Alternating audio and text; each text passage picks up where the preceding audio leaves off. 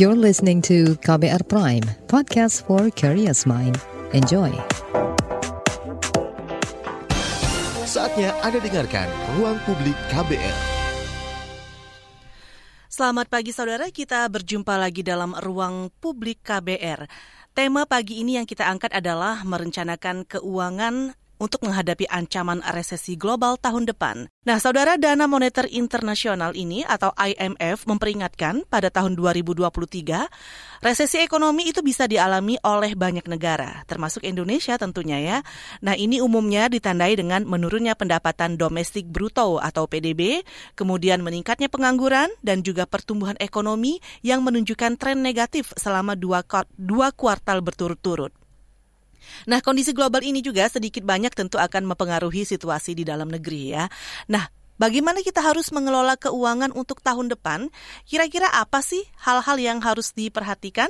Nah, sudah bersama kami ada Mas Aidil Akbar sebagai perencana keuangan.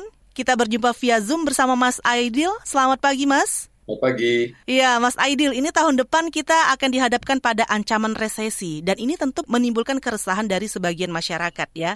Apalagi juga sudah banyak pemerintah menggaungkan berita-beritanya soal wanti-wanti tahun depan akan resesi nih. Udah pada deg-degan aja ini, takut juga terjadi pada tahun 98 dulu ya, sempat mengalami juga. Nah, kira-kira seberapa besar sih kondisi eksternal dalam hal ini situasi keuangan global yang mempengaruhi perencanaan keuangan individu di Indonesia, Mas? Ya, sebenarnya gini, kalau kita perhatikan global, uh, ini kan hanya sebagai apa ya, warning sign ya, warning sign, yang artinya mungkin terjadi, mungkin saja tidak. Uh, ini berkaca kepada kenaikan dari harga BBM yang kemarin, yang menyebabkan kemudian di Amerika Serikat sendiri uh, terjadi resesi, kemudian harga-harga BBM naik, harga-harga barang naik, ya kemudian mulai banyak uh, terjadi um, apa orang tidak bisa kerja ya putus hubungan pekerjaan PHK terus kemudian banyak yang menjadi homeless ya. Kalau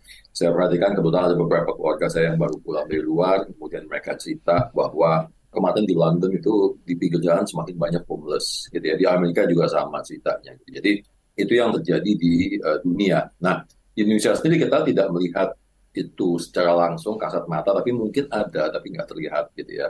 Hubungannya nanti ke personal gimana? Hubungannya ke personal pasti cepat atau lambat sedikit atau banyak pasti akan berdampak kepada keuangan secara personal gitu. Karena kalau itu memang terjadi pelambatan ekonomi yang berdampak pada pelambatan konsumsi barang dan jasa maka akan berdampak kepada perusahaan tempat kita bekerja ya di beberapa sektor. Nah kemudian bisa berdampak juga kepada penghasilan dari perusahaan yang akan berdampak juga pada karyawan. Nah, kalau berdampak pada karyawan, maka otomatis keuangan uh, pribadi maupun keuangan keluarga juga masih akan berdampak. Mm -hmm. Tapi itu tidak sektor ya. Nanti ada beberapa sektor yang mungkin masih bisa bertahan. Oke, nah kalau seandainya anggaplah mungkin tahun depan beneran terjadi resesi nih Mas ya, kira-kira dari sisi perencanaan keuangan, langkah-langkah apa nih yang harus dilakukan? Ya, sebenarnya persiapan banyak sekali bisa dilakukan ya dari sekarang kita sudah bisa mulai untuk uh, lebih berhati-hati dalam penggunaan uang, direm yang sifatnya boros-boros, yang sifatnya tidak penting. Kita mulai dari bagaimana mengelola keuangan pribadi, bagaimana mengelola penghasilan kita, pengeluaran kita. Dimulai dari situ dulu, ya. Apalagi ini kan mendekati akhir tahun. Akhir tahun banyak sekali promo-promo ya. Kemarin kita baru lihat ada 11-11, nanti bulan depan ada 12-12 gitu ya. Kemudian nanti uh, mendekati Natal ada promo Natal biasanya. Tahun baru pun begitu. Iya, tahun baru pun juga sama gitu ya. Nanti Februari ada lagi promo Valentine gitu. Jadi nggak habis-habis sih promonya. Nah ini yang kita harus waspadai. Uh, nggak ada salahnya belanja di saat promo, tapi memang uh, belanja barang yang memang sudah kita butuhkan dan memang dananya sudah kita alokasikan. Jadi ya misalnya seperti contoh saya mau ganti laptop ya udah. Jadi kesempatan 11 11 12 12 ini saya pakai untuk saya bisa mengganti uh, laptop saya misalnya gitu ya karena memang uh, ini udah tua laptopnya gitu udah mulai agak nggak bagus gitu ya. Nah, uh, jadi promo tersebut di, dipergunakan untuk kita membeli barang yang memang sudah kita siapkan dan yang sudah kita siapkan. Jadi bukan promo uh, bukan kita belanja gara-gara promo. Hmm. Yang sering terjadi sekarang adalah banyak orang itu yang tergiur hanya gara-gara promo ah sayang bayang barangnya lucu nih mumpung diskon 50% mumpung diskon 70% beli padahal belum tentu dipakai barang. Iya. Nah, itu yang pertama ya. Jadi promo dimanfaatkan benar-benar untuk barang yang kita butuhkan, bukan yang kita mau ya Mas ya. Iya, tadi Mas Aidil juga sempat menyebutkan ada beberapa sektor yang bisa bertahan dari resesi. Nah, kira-kira itu sektor apa yang bisa bertahan? Dan kira-kira sektor apa juga yang bakalan tidak bertahan, Mas? Ya, biasanya kalau pengeluaran-pengeluaran besar ya, itu sedikit banyak pasti akan uh, terganggu. Uh, pengeluaran besar itu contohnya misalnya uh, properti ya. Karena kan untuk beli rumah itu kan komitmennya uh, besar ya. Uh, nominalnya juga besar pasti. Apartemen aja kalau nggak salah empat lima ratus jutaan minimal sekarang. Um, rumah satu eman gitu ya antara lima ratus juta sampai satu m nah itu biasanya akan melambat dari sisi ya, industrinya terus kemudian juga uh, kendaraan itu juga biasanya sama akan melambat kecuali memang pemerintah menggenjot seperti yang sudah terjadi dari 2020 pemerintah memberikan stimulus dengan membebaskan pajak, gitu ya. Jadi sebenarnya uh, ekonomi kita terbantu dari salah satunya stimulus tadi, yang menyebabkan banyak orang berpikir, oke okay, ya udah, saya bisa menghemat 20-30 juta nih dari sisi pajaknya nih, kenapa nggak saya beli mobil sekarang? Tapi kalau stimulus tersebut tidak diberikan, maka bisa akan melambat, gitu.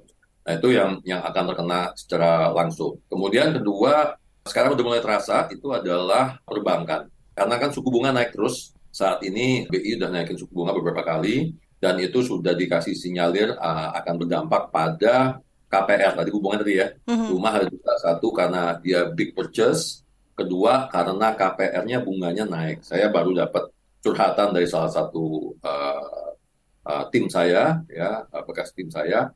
Itu yang KPR-nya naik mbak. Bulan depan KPR naik dari 3 juta per bulan jadi 8,7 juta. Nah. hampir 3 Wow, melonjak sekali.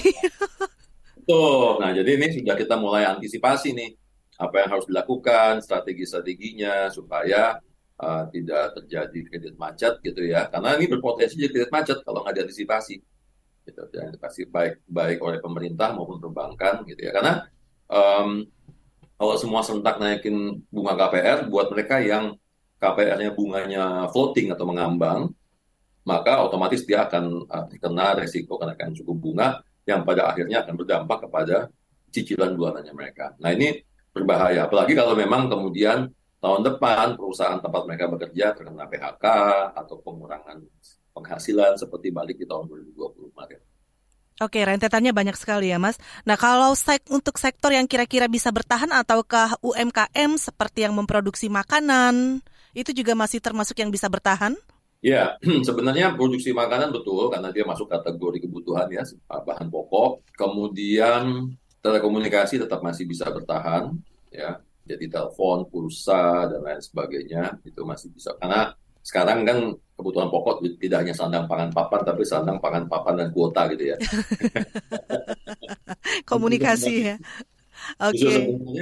sandang dan papannya yang bisa di hold ya, yang bisa ditunda. Jadi itu masih bisa ada kemungkinan naik. Kemudian karena sekarang ini masih hawa-hawa hawa-hawa COVID-nya masih ada, ya kan? Uh, katanya ada varian baru yang menyebar cukup luas. Kemarin itu ada new case-nya 1.400 dan saya juga bingung kok sekarang belum ramai lagi apa mungkin euforianya orang-orang udah nggak percaya sama COVID gitu ya. Uh-huh. Uh, bisa jadi yang berhubungan dengan kesehatan, alat kesehatan, uh, obat-obatan, vitamin gitu ya herbal, uh, madu-maduan, semua yang berhubungan dengan kesehatan, olahraga dan sebagainya itu juga masih bisa uh, bertahan. Bertahan ya, karena dibutuhkan orang ya, walaupun dalam kondisi yang terjepit misalnya. Karena kan orang lagi sakit ya memang tetap butuh obat, jadi mau nggak mau harus beli ya mas. Nah, Betul. kalau misalnya uh, pengusaha atau UMKM yang ingin merencanakan keuangan, itu beda nggak atau sama saja dengan kalau kita karyawan nih mas? Adakah perbedaannya saat merencanakan keuangan ini? Secara teori besarnya mirip mbak, tapi dalam prakteknya memang uh, sedikit berbeda. Contoh ya, dalam perencanaan keuangan uh, personal seperti kita itu ada yang namanya emergency fund atau dana darurat gitu ya. Nah ternyata dana darurat juga dibutuhkan oleh perusahaan. Contohnya pada saat kemarin 2020 kemarin pada saat pandemi terjadi semuanya shutdown selama enam bulan pertama ya. Nah, uh, tapi enam bulan pertama tetap harus bayar gaji karyawan. Nah, dari mana uangnya? Sementara buat mereka perusahaan-perusahaan terutama mereka yang punya bisnis di mall gitu ya, pusat perbelanjaan kan itu harus tutup shutdown ya. Sementara mereka tetap harus mau bayar gaji karyawan. Uangnya dari mana? Ya dari emergency fund. Ya, mereka yang berbisnis di bidang uh, hospitality, hotel, restoran kemarin shutdown gitu ya. Uh, dari mana uang untuk bayar gaji ya dari emergency fund. Gitu. Cuma memang terkadang yang sering terjadi adalah karena pengusaha, pengusaha itu kan lebih suka uangnya diputar di bisnis ya. Mm-hmm. Gitu. Jadi jangan sekali pengusaha yang pegang cash cukup banyak. Gitu. Padahal sebenarnya pengusaha yang uh, cerdas, gitu ya, biasanya mereka akan mengkeep cashnya mereka, tapi mereka memutar uang bisnisnya mereka dengan uang pinjaman biasanya gitu. Jadi mereka tetap cash rich gitu ya, ada dana talangan yang disimpan dan itu dana tuh biasanya bisa dipakai buat ekspansi bisnis, buat yang lain-lain. Sementara mereka putarkan uh, usahanya atau bisnis mereka dengan menggunakan uang orang lain gitu, atau uh, other people money lah selain. Nah itu bisa dengan pinjaman dari bank misalnya. Nah kalau untuk karyawan, mas, misalnya untuk individu? Mm -mm, nah kalau untuk individu, um, Udah pasti kayak tadi ya, emergency fund. Jadi gini, saya bicara emergency fund ini sudah dari tahun 2003, Mbak. Udah 15 eh, tahun ya. Dan uh, zaman dulu orang nggak terlalu percaya, nggak terlalu dengerin saya. 2008 dampaknya nggak terlalu nggak terlalu dahsyat di Indonesia karena itu kan uh, lebih krisis di Amerika ya. Tapi kemarin, kemarin itu uh, banyak orang yang DM saya, ya chat saya berterima kasih ya, terutama teman-teman teman-teman saya yang penyiar, nah ya teman-teman saya yang penyiar, teman-teman saya yang artis, teman-teman saya yang entertainer yang bergerak di bidang hiburan itu kan shutdown semua, Pak. Mm-hmm. Ya, uh, nggak ada job, nggak ada apa MC MC itu kan semua shutdown kan. Nah, mereka-mereka yang dari dulu sudah sering ngobrol sama saya, gitu saya bilang, udah lo mesti siapin emergency fund, lo kan nggak jelas penghasilan lo naik turun segala macam, lo siapin 6 bulan, 20. Itu mereka semua berterima kasih, karena kenapa? Ketika penghasilannya berhenti total karena memang keadaan, mereka masih bisa bertahan hidup. Paling nggak mereka bisa berpikir jernih di tiga bulan pertama, what next? Gue mesti ngapain nih? Apakah gue mesti dagang? Apakah gue mesti ngojek online? Apakah gue mesti apa pun lah, gitu ya. Jadi nggak panik bahwa bulan depan saya nggak bisa makan karena nggak ada job, gitu. Oke. Okay. Nah itu satu satunya. Jadi emergency fund itu uh, satu hal yang sangat penting dalam dunia perencanaan keuangan dan investasi dan itu yang harus dipersiapkan dari awal. Nah, untuk dana darurat ini atau emergency fund ini kira-kira dari pemasukan atau penghasilan kita berapa persen yang harus disisihkan setiap bulannya, Mas? Ya, jadi gini, um, emergency fund itu dihitung bukan dari uh, uh, apa gini. Kita pertama harus menghitung dulu berapa besar jumlah emergency fund yang kita butuhkan. Itu dulu yang paling penting. Ya, uh, menghitungnya dari mana? Menghitungnya dari jumlah tanggungan anggota keluarga kita. Jadi kalau kita masih uh, single gitu ya, nggak punya tanggungan, uh, hidup sendiri gitu, nah kita butuh emergency fund itu biasanya minimal tiga bulan sampai empat bulan biaya hidup bulanan minimal ya. Nah, yeah. kalau sudah punya tanggungan, ya uh, sampai dengan dua orang, tanggungan itu bisa pasangan istri, bisa orang tua, gitu ya, dia single, uh, tinggal sama orang tua, orang tuanya udah pensiun misalnya, gitu ya. Nah, itu uh, tanggungan sampai dengan dua orang kita butuh minimal sedikitnya enam bulan kebutuhan bulanan. Jadi kebutuhan bulanan ya Pak. Jadi kalau misalnya anggap biar gampang gaji misalnya 10 juta lah, biar angkanya mudah ya. Gaji 10 juta, tiap bulan dia menghabiskan sekitar 8 juta udah termasuk cicilan misalnya. Ya, uh, di luar yang 2 jutanya investasi kan. Nah, berarti yang dibutuhkan adalah 6 bulan kali 8 juta. Gitu. Nah, itu yang harus dia siapkan. Kalau dia sudah punya tanggungan lebih dari tiga, maka uh, lebih dari dua, maaf, lebih dari dua, berarti tiga ke atas ya, maka dia akan butuh emergency fund sebesar uh, eh, 12 bulan kebutuhan hidupnya dia. Gitu ya.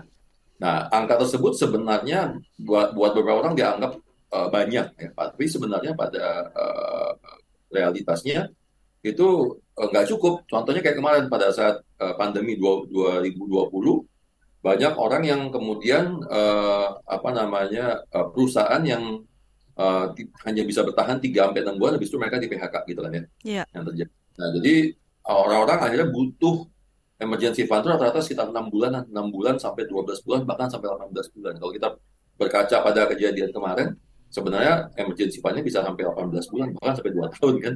2020 ke 2022 sekarang ya, berarti yeah. benar sekitar 12 sampai 18 bulan. Nah itu um, yang tepat ya. Nah kegunaan emergency fund tadi sebenarnya uh, penting supaya kita tidak mengganggu uh, investasi kita di tempat lain. Gitu. Kalau memang kita sudah punya investasi. Nah dari situ baru setelah kita tahu nih nominal yang kita butuhkan berapa, Baru kemudian kita lihat dari cash flow bulanan kita berapa sih yang bisa kita sisihkan setiap bulan untuk memenuhi emergency fund tadi. Oke, berarti uh, tergantung uh, apa bagaimana kebutuhan kita dan tanggungan kita ya Mas ya dari sisi ya. perusahaan atau juga dari sisi individu. Baik Mas Aidil, nanti kita akan lanjutkan kembali obrolan kita dan kita akan jeda sejenak. Dan saudara kami masih akan lanjut lagi di ruang publik KBR untuk membahas merencanakan keuangan menghadapi ancaman resesi global tahun depan. Sesaat lagi tetaplah di ruang publik KBR. Masih Anda dengarkan ruang publik KBR. Ya, saudara, Anda masih mendengarkan ruang publik KBR dengan tema merencanakan keuangan menghadapi ancaman resesi global tahun depan. Pagi ini kami masih berbincang dengan financial planner atau perencana keuangan Aidil Akbar. Nah, Mas Aidil ngomongin soal perencanaan keuangan pasti ada kaitannya dengan investasi ya. Nah, tapi sebelum ke sana kita ada angkat telepon dulu dari Ibu Tri dari Jakarta. Silakan Ibu Tri, halo. Iya, halo, selamat pagi. Pagi. Iya, uh, Mas Aidil, selamat pagi. Iya, Mas, uh, saya mau tanya, jadi sebenarnya tahun depan itu kita perlu khawatir atau tidak ya? Karena terus terang saya juga was-was dengan uh, apa perkembangan situasi ekonomi saat ini. Nah, kalau untuk tahun depan itu kira-kira uh, apa pos keuangan yang perlu mendapat prioritas dan apa yang um, uh, bisa ditunda gitu. Nah, satu lagi uh, soal investasi, mas. Saya kan termasuk orang yang suka investasi, uh, lebih suka yang konvensional begitu. Apakah tahun depan itu investasi konvensional itu masih uh, perlu dilakukan atau saya harus melakukan uh, apa ya uh, investasi yang berbeda begitu. Terima kasih itu saja. Oke, terima kasih Ibu Tri dari Jakarta nih Mas Aidil. Masih uh, penasaran nih dengan perbincangan kita tadi kali ya soal pengaturan keuangan. Ibu Tri juga bertanya pos keuangan kira-kira ini yang mana yang harus diprioritaskan, mana yang harus ditunda dulu. Oke, saya coba jawab pertanyaan agak cepat ya. Yang pertama tadi, apakah kita harus khawatir? Jawabannya tidak perlu khawatir, tapi tetap waspada. Gitu ya. Kemarin juga ada salah satu sahabat saya nanyakan nama saya hal yang sama, karena ibunya dia uh, katanya mau mau ngumpulin sembako katanya di gudang karena khawatir. Nah itu juga makanya kemarin ada sempat ada beberapa dari Pak JK ya bilang tolong dong jangan ditakut-takutin rakyat ini gitu ya, jangan berlebihan tuh ke Menteri Keuangan ke yang lain-lain gitu ya. Jadi uh, tetap boleh kita waspada, tapi nggak perlu khawatir, gitu ya. Karena kalau dibandingkan tadi seperti saya uh, cerita di awal, dibandingkan negara lain seperti di uh, Inggris, di Amerika, di mana banyak bermunculan gelandangan di pinggir jalan, Indonesia masih jauh dibandingkan uh, jauh lebih unggul ya dibandingkan negara-negara tersebut, gitu. Karena mereka uh, terdampak cukup cukup keras, gitu ya. Nah itu yang pertama. Terus yang kedua tadi uh, soal pos keuangan, pos keuangan. Oh ya, Hmm. Pos keuangan yang mana yang uh, harus diprioritaskan? Pertama tadi prioritaskan dana cash ya Bu, dana tunai, emergency fund, dana tunai, investasi jangka pendek. Kemudian Ibu juga harus prioritaskan di uh, asuransi. Ya, pastikan asuransi kesehatan, rumah asuransi kesehatan. Pastikan asuransi kesehatannya aman, artinya sudah dibayar preminya untuk setahun ke depan. Uh, kalau tidak ada asuransi kesehatan, pastikan BPJS-nya aman, gitu ya, sudah dibayar Uh, kemudian uh, hutang, pastikan hutang-hutang yang sifatnya konsumtif itu uh, dilunasi secepatnya kalau ada uangnya sekarang, gitu ya. Jadi hutang hanya boleh di maintain hanya hutang yang sifatnya produktif. KPR itu masih oke, okay, gitu ya. Tapi kalau yang sifatnya konsumtif dengan jangan karena kenapa? Karena tadi berpotensi uh, mulai dari tahun ini sampai tahun depan suku bunganya akan naik. Nah itu akan berdampak pada cicilan kita. Itu yang kedua. Yang ketiga investasi konvensional. Ya, dalam kondisi krisis biasanya justru investasi konvensional itu yang menjadi uh, pegangan banyak orang gitu ya. Jadi produk perbankan, tabungan, deposito, beberapa menyarankan masuk ke emas itu adalah produk-produk yang memang uh, menjadi andalan ketika orang ketakutan uh, krisis uangnya mau taruh di mana, gitu ya. Tapi untuk investor jangka panjang, sebenarnya krisis atau resesi itu adalah suatu opportunity atau kesempatan dengan catatan satu uangnya tidak dipakai untuk jangka panjang minimal tiga tahun sampai lima tahun ya. Kedua dia punya profil resiko yang memang uh, berani mengambil resiko. Nah ini tahun depan kesempatan ketika kalau apabila terjadi krisis ya atau terjadi resesi kondisi turun misalnya saham turun misalnya obligasi turun itu otomatis reksadana juga turun. Ini sebenarnya kesempatan untuk kita masuk dengan catatan tadi uangnya bukan uang yang dipakai buat kebutuhan hidup sehari-hari memang ada pos khusus ya untuk investasi ya Mas ya. Iya, nah, saat ini memang investasi itu juga kayaknya mudah gitu ya. Banyak juga promo-promo, salah satunya soal reksadana atau misalnya investasi emas dan sebagainya. Juga sudah banyak aplikasi-aplikasi yang bisa membantu masyarakat untuk berinvestasi nih Mas. Nah, tapi kira-kira di tahun depan bagaimana nih pengelolaan investasi yang harusnya kita lakukan? Apa ya, faktor ya, yang, yang perlu jadi pertimbangan juga misalnya? Oke, yang paling penting gini, Mbak. Yang paling penting adalah apakah ada dari dana-dana investasi tersebut yang akan kita pakai tahun depan? Dulu pertanyaannya, ya. Contoh misalnya, ada yang berencana mau menikah tahun depan misalnya. Nah, sebaiknya kalau sekarang investasinya di reksadana, mungkin udah saatnya dipindahkan dulu ke yang lebih konservatif, gitu ya. Supaya kenapa? Supaya kalau tahun depan jadi mau nikah, uangnya masih ada, nggak turun. Dan gampang ditarik juga. Dan juga ditarik juga, hmm. betul. Jadi, nah kita hitung dulu nih, tahun depan persiapannya apa sih? Misalnya contoh tadi menikah, atau misalnya tahun depan ada yang anaknya mau masuk sekolah, atau anaknya mau naik jenjang, misalnya dari SD mau ke SMP, dari SMP mau SMA, SMA mau kuliah gitu ya, pindah jenjang, itu kan pasti akan butuh uang pangkal, uang ini, uang itu segala macam. Nah itu sebaiknya dana-dana yang memang dibutuhkan dalam jangka setahun ke depan itu sudah diamankan dari sekarang dulu. Dipindahkan dulu ke produk-produk keuangan, produk-produk investasi yang resikonya lebih rendah atau tidak tergoncang lah. Misalnya terjadi. investasi apa, Mas? Uh, masuknya produk-produk yang aman, misalnya seperti produk perbankan, tabungan deposito, ya, hmm. uh, mas, uh, kalau reksadana pun pasar uang itu juga masih bisa uh, mungkin juga sebagian bisa masuk ke mata uang asing, bisa masuk ke dolar gitu ya. Uh, itu adalah uh, beberapa contoh investasi yang relatif lebih stabil dan liquid. Kata kunci dua ya, stabil dan liquid. Kalau saya bilang aman, mungkin tidak ada satupun investasi yang aman ya. Itu termasuk juga tabungan deposito kita sebenarnya nggak terlalu aman-aman juga sebenarnya meskipun dijamin pemerintah. Tapi dia lebih stabil dan lebih liquid, tidak terlalu tergoncang kalau terjadi uh, resesi. Nah itu uh, kita pindahkan dulu ke ke situ supaya pada saat nanti kita butuhkan uh, kita bisa tarik uangnya. Nah, kalau kita berinvestasi melalui aplikasi ini misalnya, itu kira-kira ada tipsnya kah supaya kita mungkin um, in, aman dan juga dapat keuntungan, Mas? Ya, jadi gini, aplikasi-aplikasi yang menawarkan produk investasi ya seperti reksadana maupun juga obligasi pemerintah biasanya ya, itu sebenarnya mereka posisinya adalah agen penjual, Mbak. Ya.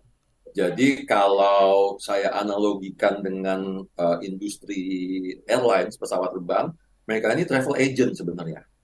Nah, kalau aplikasinya aplikasi online, berarti mereka travel agent online, gitu ya. Nah, aplikasi kan online ya. Nah, jadi mereka itu fungsinya hanya menjadi uh, agen penjual dari produk-produknya. Nah, yang pertama kali harus diwaspadai adalah apakah mereka punya izin. Itu gampang sekali, tinggal masuk ke website OJK, dicek apakah mereka punya izin sebagai agen penjual. Ya, namanya upper agen penjual efek reksadana. Gitu ya. Nah, terus kemudian uh, kedua yang diperhatikan sebenarnya bukan hanya agen penjual, ya, karena agen penjual ada izinnya sendiri, tapi lebih kepada produk yang mereka jual, reksadananya, gitu ya. Nah, biasanya kalau udah reksadana dijual melalui agen itu pasti sudah melalui screening yang cukup ketat. Hanya saja mungkin kita harus paham bagaimana cara memilah dan memilih reksadana, reksadana mana yang tepat untuk kebutuhan kita. Gitu. Jadi justru lebih saya tekankan lebih kepada si uh, uh, uh, instrumennya atau kepada reksadananya. Nah, agen penjual sendiri sekarang pun bekerja sama lagi dengan uh, aplikasi yang lain, ya. Hmm. Contohnya aplikasi e-commerce, gitu ya. Jadi kalau kemarin ada yang nanya mas saya, mas kalau saya beli lewat e-commerce gimana gitu ya? Uh, itu sebenarnya e-commerce adalah sub agen dari agen penjual. Jadi mereka sub diagenin lagi gitu okay. ya. Oke. Nah, Berantai gitu. ya, fungsi mereka sebenarnya benar-benar hanya sebagai agen, Bu. Oh. Uh, tidak tidak mereka bukan pemilik dana, mereka bukan pengelola dana. Oke, sama aja kayak kita misalnya kalau mau jalan-jalan ada aplikasi tertentu gitu ya yang menawarkan untuk pesan tiket, eh, pesawat, ya. hotel, sama kurang lebih seperti itu ya Mas ya. Oke, baik ini Mas Aidil ada pertanyaan dari YouTube kita dari Johan di ya. Katanya tadi Mas Aidil mengatakan kita harus punya emergency fund atau dana darurat. Tapi dengan pendapatan terbatas gimana cara mengumpulkannya? Apa harus punya investasi? Nah, nanti kita jawab Mas setelah break dulu ya. Dan okay. saudara, ruang publik akan kembali setelah jeda berikut. Masih Anda dengarkan Ruang Publik KBR. Ya, saudara, kita masih lanjutkan kembali perbincangan di ruang publik KBR pagi hari ini menyoal merencanakan keuangan hadapi ancaman resesi global tahun depan. Masih bersama Financial Planner Aidil Akbar. Nah, kita akan menjawab pertanyaan Johan Manado via WA tadi ya Mas Aidil. Mas Johan ini bertanya, Tadi Mas Aidil mengatakan kita harus punya emergency fund atau dana darurat. Tapi dengan pendapatan terbatas gimana cara mengumpulkannya? Apa harus punya investasi? Ya, uh, emergency fund itu tidak diinvestasikan justru. Jadi uh, tadi uh, tempatnya harus um, liquid, ya mudah dicairkan dan relatif stabil atau relatif aman. Contohnya produk perbankan, tabungan deposito, emas dan seterusnya tadi ya. Nah, caranya gimana? Caranya memang dicicil setiap bulan sesuai sama kemampuan kita. Idealnya kita mencicil itu adalah sebesar 10 sampai 20 persen dari penghasilan. Jadi kalau punya penghasilan 3 juta ya makanya maka kita harus mencicil sekitar mungkin 300 ribu sampai 400 ribu per bulan, gitu ya. Nah, tapi apakah langsung serta merta kemudian dari tidak punya emergency fund tiba-tiba terus langsung punya emergency fund nggak bisa juga butuh waktu ya. Mencicilnya butuh antara satu tahun bahkan mungkin bisa sampai tiga tahun. Nah, sambil menunggu emergency fund tersebut terkumpul, yang bisa kita lakukan, kita siasati adalah dengan cara uh, kita mulai melihat aset-aset mana yang kita miliki yang apabila terjadi emergensi itu bisa kita lego istilahnya, bisa kita gadaikan atau bisa kita jual. Jadi emergency fund tidak serta-merta langsung harus buka uang.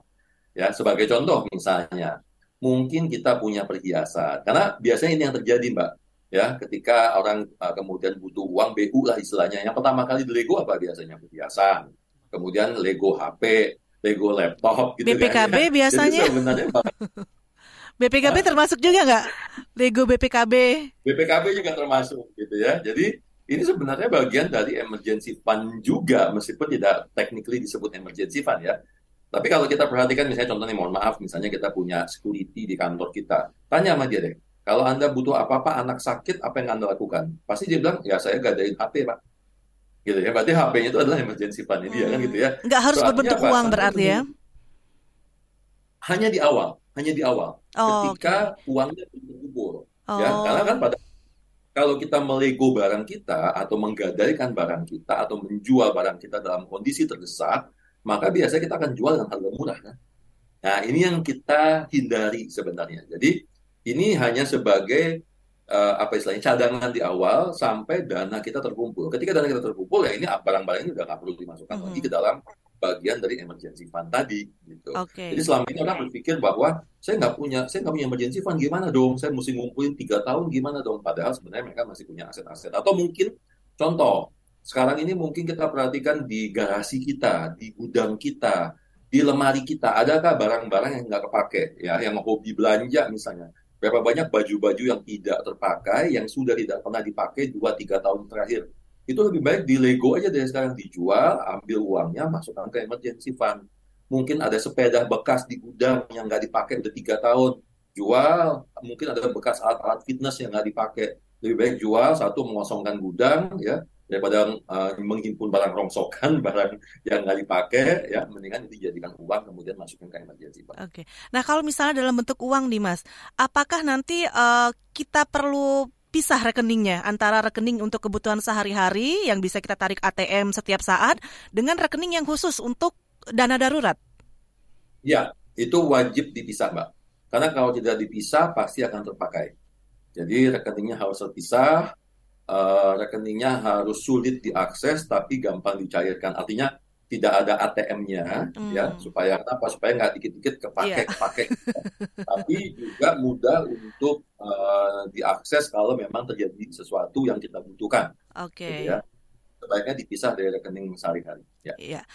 Baik. Pak Johan di Manado semoga bisa menjawab pertanyaannya ya. Kita lanjut lagi masih dari via WA nih Mas Aidil dari Sulis di Padang. Saya mengalami kenaikan KPR naik sepertiga dari cicilan sebelumnya dan ini membuat pendapatan saya habis buat pengeluaran. Saya juga punya polis asuransi yang cukup besar. Apakah asuransi ini bisa saya korbankan untuk melonggarkan sedikit pengeluaran saya gara-gara cicilan rumahnya naik tadi? Ya, uh, pertama kita harus perhatikan dulu jenis asuransinya apa. Ya, uh, biasanya kalau asuransinya preminya mahal itu masuk kategori asuransi yang namanya unit link Nah, ini sudah berkali-kali, berbulan-bulan, bertahun-tahun saya katakan asuransi unit link ini asuransi yang tidak cocok untuk orang Indonesia karena biasanya cenderung merugikan karena biayanya besar, kemudian investasi yang dihasilkan tidak seberapa dibandingkan kita masuk ke produk tabungan atau produk investasi yang lainnya. So kalau seperti itu maka uh, bisa jadi asuransinya mungkin di hold dulu atau dibatalkan. Tapi khusus untuk asuransi kesehatan sebaiknya jangan, gitu ya. Kalau memang ternyata asuransinya adalah unit link, kemudian ada kesehatannya, maka saran saya uh, kalau mau dibatalkan pastikan dulu kita punya asuransi kesehatan murni dulu. Ya, asuransi kesehatan yang berdiri sendiri atau stand alone istilahnya, namanya asuransi kesehatan murni. Nah, itu preminya murah, Mbak. Itu paling setahun itu um, untuk kelas 1 ya atau kelas 2 itu paling setahun nggak nyampe 2 juta. 150 ribu sebulan ya. Uh, dibandingkan kalau kita masuk ke asuransi jiwa pakai kesehatan pakai investasi ini biasanya mahal. Itu bisa 500 ribu sampai 1 juta per bulannya. So dengan cara seperti itu kita bisa uh, uh, penghematan kemudian kita membeli produk asuransi yang benar yaitu asuransi untuk proteksi bukan untuk investasi di saat yang bersamaan bisa memberikan kita kelonggaran cash flow supaya kita bisa cicil uh, rumah kita tadi. Oke, jadi asuransi tetap ada tapi harus asuransi yang benar-benar dibutuhkan ya. Salah satunya asuransi kesehatan. Ini Betul. juga kalau tadi pertanyaan dari WA, sekarang kita beralih ke pertanyaan dari YouTube nih Mas Aidil. Ini dari ya. Mas Donil yang bertanya, menurut Bapak platform investasi selama ini bisa jadi acuan nggak untuk menaruh uang kita? Platform investasi yang mana nih? Platformnya banyak. Aplikasi soalnya. mungkin maksudnya. Aplikasi ya. Pak, aplikasi-aplikasi. Ya, seperti yang saya katakan tadi bahwa aplikasi investasi yang ada uh, baik saya gini, selama ini yang saya tahu aplikasi investasi itu ada dua ya. Satu adalah untuk masuk ke reksadana, yang satu lagi adalah untuk masuk kalau kita mau beli saham secara langsung atau trading saham. Ya, jadi kalau ditanya apakah bisa menjadi acuan, uh, balik lagi aplikasi itu hanya berfungsi sebagai penjual, gitu ya, sebagai uh, agen penjual.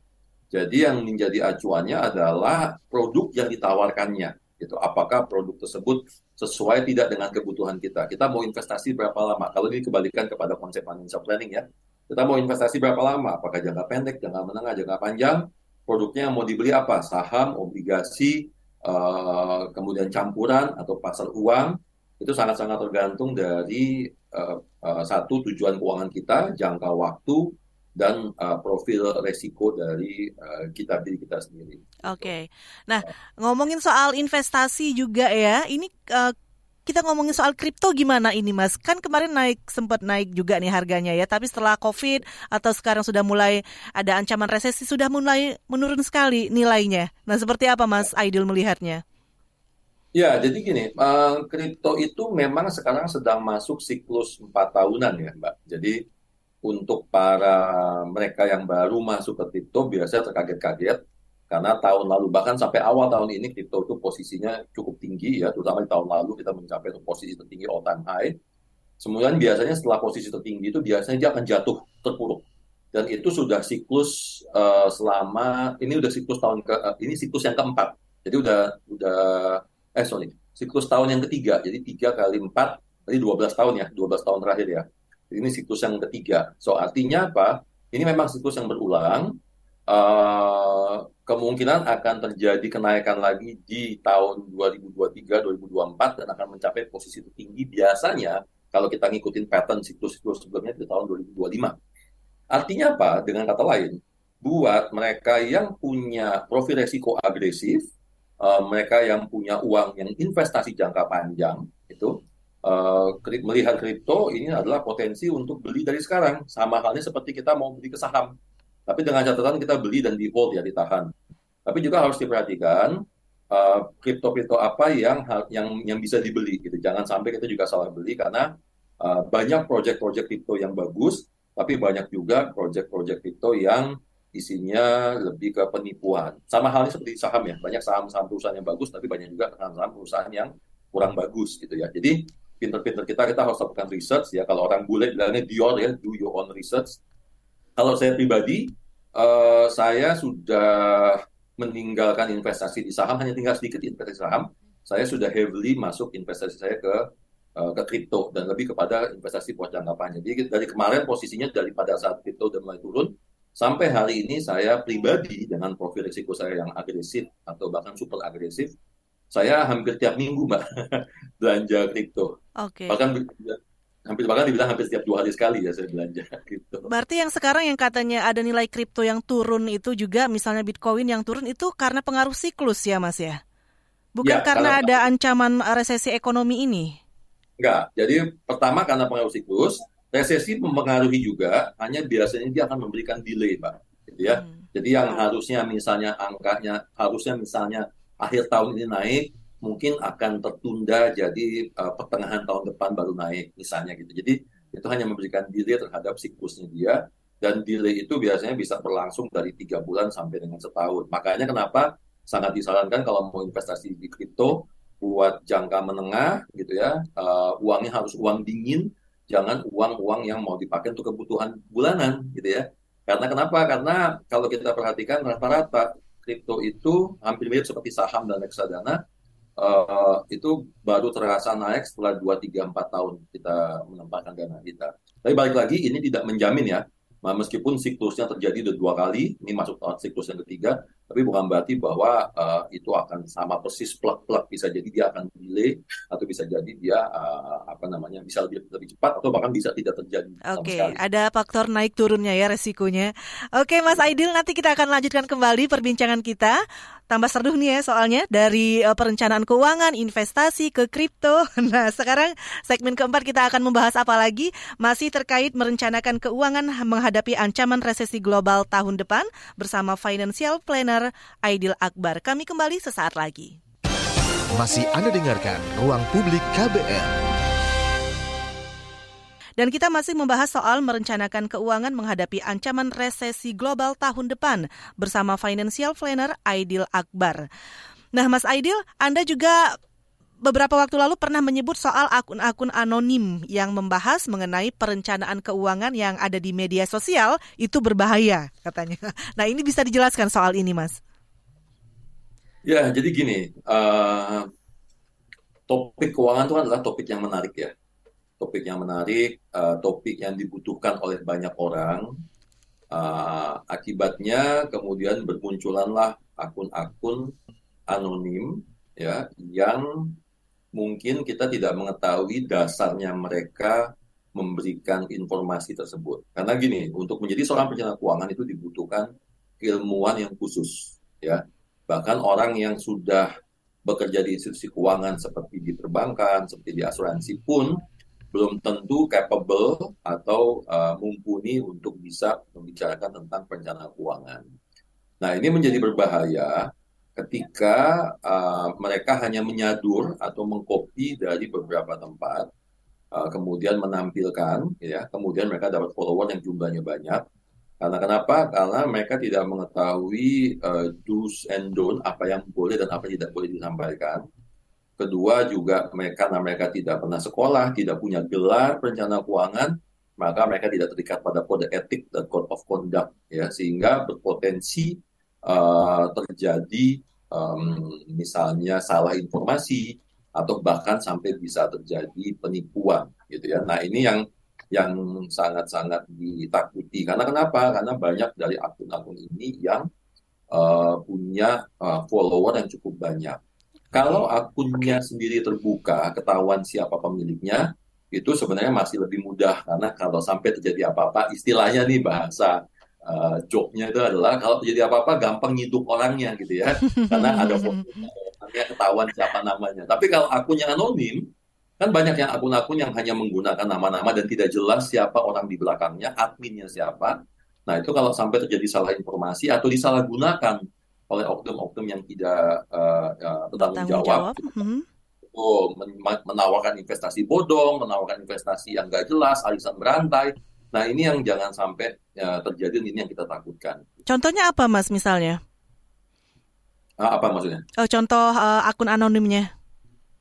Banyak mbak, banyak akun-akun yang mengatas tidak tidak jelas siapa uh, pemiliknya, gitu ya. Nah, akun yang menggunakan misalnya saya saya nggak bisa sebutin contoh spesifik gitu ya misalnya hanya menggunakan uh, uh, apa namanya nama general lah misalnya gitu ya misalnya menggunakan misalnya kelola uang atau kelola duit oh, atau apa gitu. yang kayak gitu-gitu ya uh, jadi nggak hmm. ketahuan siapa admin di belakangnya nah ini hmm. yang dikhawatirkan tapi kalau akun-akun yang se sebenarnya gini sebenarnya akun-akun pun yang menampilkan sosok seorang seseorang kalau dia tidak punya gelar perencana keuangan, dia sebenarnya tidak punya kapabilitas dan capable untuk memberikan uh, informasi tentang perencana keuangan. Nah, ini juga yang ditakutkan, gitu ya. Nanti malah oh, menyesatkan jadi, yang ada ya, Mas.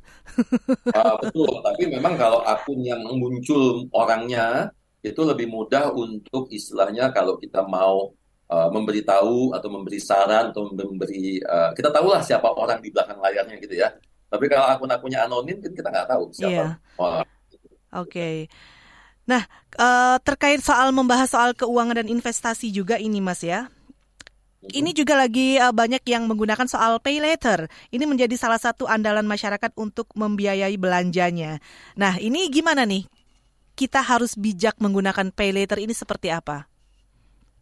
Ya, uh, jadi gini, pay later itu kan hanya sebutan yang lain yang berbeda dari hutang. Atau kredit ya, bisa dibilang.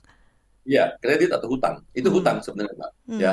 Karena awalnya ini kan dimulai dari uh, aplikasi-aplikasi uh, yang dalam prakteknya mereka tidak boleh memberikan hutang.